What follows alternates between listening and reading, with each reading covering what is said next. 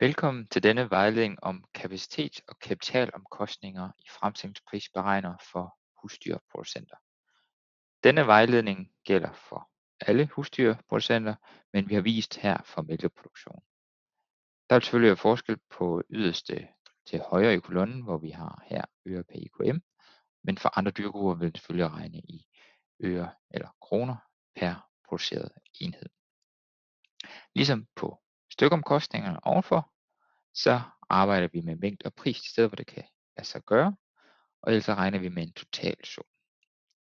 Den regner kun på rækkeniveau hele tiden og summerer op.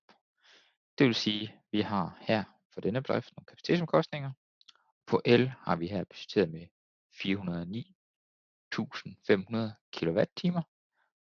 Det kan vi ændre. Det kunne være 450.000 så kan vi se, så bruger vi 101.233 kW per dag, og vi har en pris på 76 øre.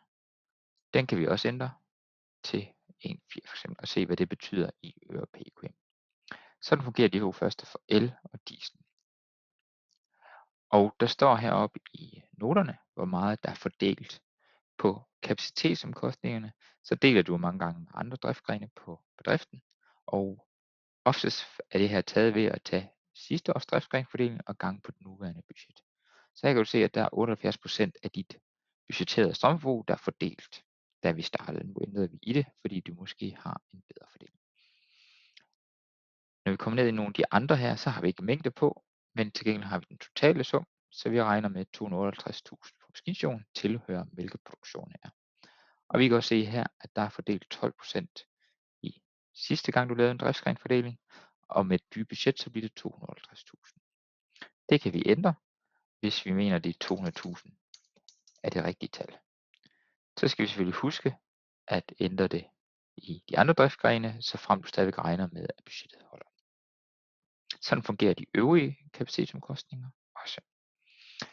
Kommer vi ned på kapitaldelen, så har vi her en opgørelse på, hvad renter betyder for fremstillingspris. Vi har her kapital bundet i mælkeproduktionen.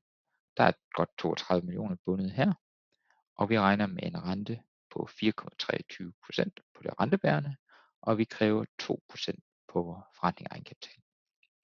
Går vi ind i info her, så vil vi se, at de 64% af vores kapital er rentebærende, dermed skal betale renten, og vi har også x antal procent, der er egenkapital.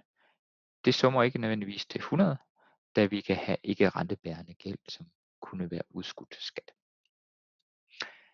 Det betyder, at vi kan se, hvad betyder renten for vores omkostninger. Vi kan se på nuværende, så betyder det 14,7 øre PKM. Det kan være, at renten falder med 1%. Så kan vi justere det her, og så vil vi komme ned på 11,7 øre. Det kan også være, at vi kræver en lidt større forretning af vores egenkapital. Der er jo risiko forbundet med produktion. Så kan vi se, hvad det betyder.